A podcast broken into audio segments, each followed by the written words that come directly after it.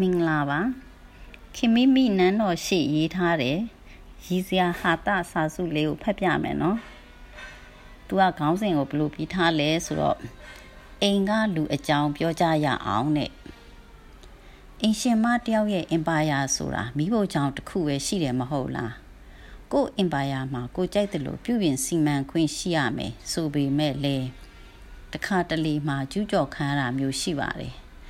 မတက်တာတဲ့ဘဝဆိုတော့တော်တော်စိတ်မတက်မတာဖြစ်ရပါတယ်တရသီးစိန်ထောင်းလေးဆိုတာသူ့အခါနဲ့သူစားရတာ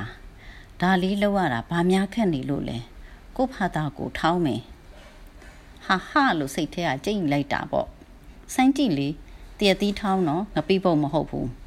ငပိဖုတ်တာတော့မှဆရာမပြနီးမကြတဲ့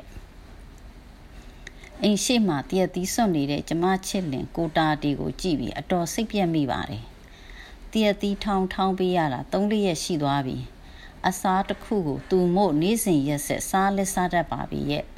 ။မနက်စာဤကြောကွေးနဲ့လက်ဖက်ရည်ဆိုရင်လဲမငီးမငွေးနဲ့လာချီပြီးစားတတ်သလိုနေ့လယ်ဆိုရင်လဲဂွေးတီတရက်တီဇီးပြူတီအစုံပါတဲ့အချင်းမောင်းကိုလဲမယိုးနိုင်အောင်နေ့စဉ်မြည်ရှိတ်စားတတ်ပါ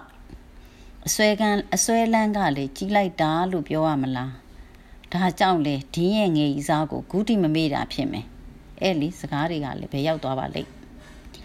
အဲအဲမောင်မင်းကြီးသားရဲ့တရက်သီးခူးတဲ့ကိစ္စတော့အောင်မြင်စွာပြီးဆုံးသွားပါပြီ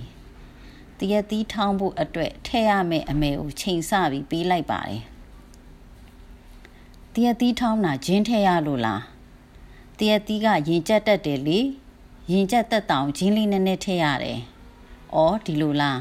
။ကျိတ်ဆက်လေးပါယူသွားတဲ့လင်းတော်မောင်ရဲ့နောက်ကျောကိုကြည့်ရင်ပြုံးမိပါရဲ့။တွေးကြပြီပေါ့လေ။ကျမကတရုတ်ပစ္စည်းတွေကိုဘွိုင်းကောက်ဆိုတော့တရုတ်ကြက်သွန်ဖြူမသုံးပါဘူး။ဗမာကြက်သွန်ဖြူပဲသုံးပါတယ်။ဒီတစ်ခေါက်ဝယ်လာတဲ့ဗမာကြက်သွန်ဖြူကတိတ်မဟောင်းသေးဘူးရှင့်။ချွေးတလုံးလုံးနဲ့တရက်သီးတောင်းပြင်ဆင်နေတဲ့လင်းတော်မောင်ရဲ့စူးစမ်းမှုဟာ၃ရက်ပဲခံပါတယ်။